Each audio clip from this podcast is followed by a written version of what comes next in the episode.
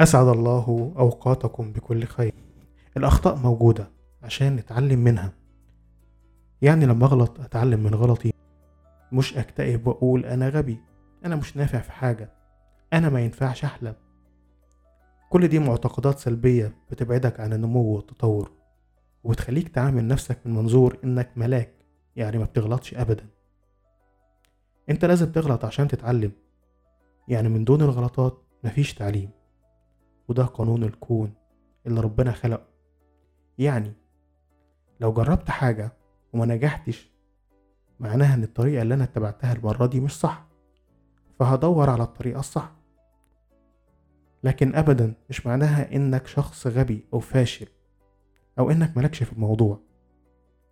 محدش اتولد بيعرف كل حاجة من أول مرة بدون ما يغلط.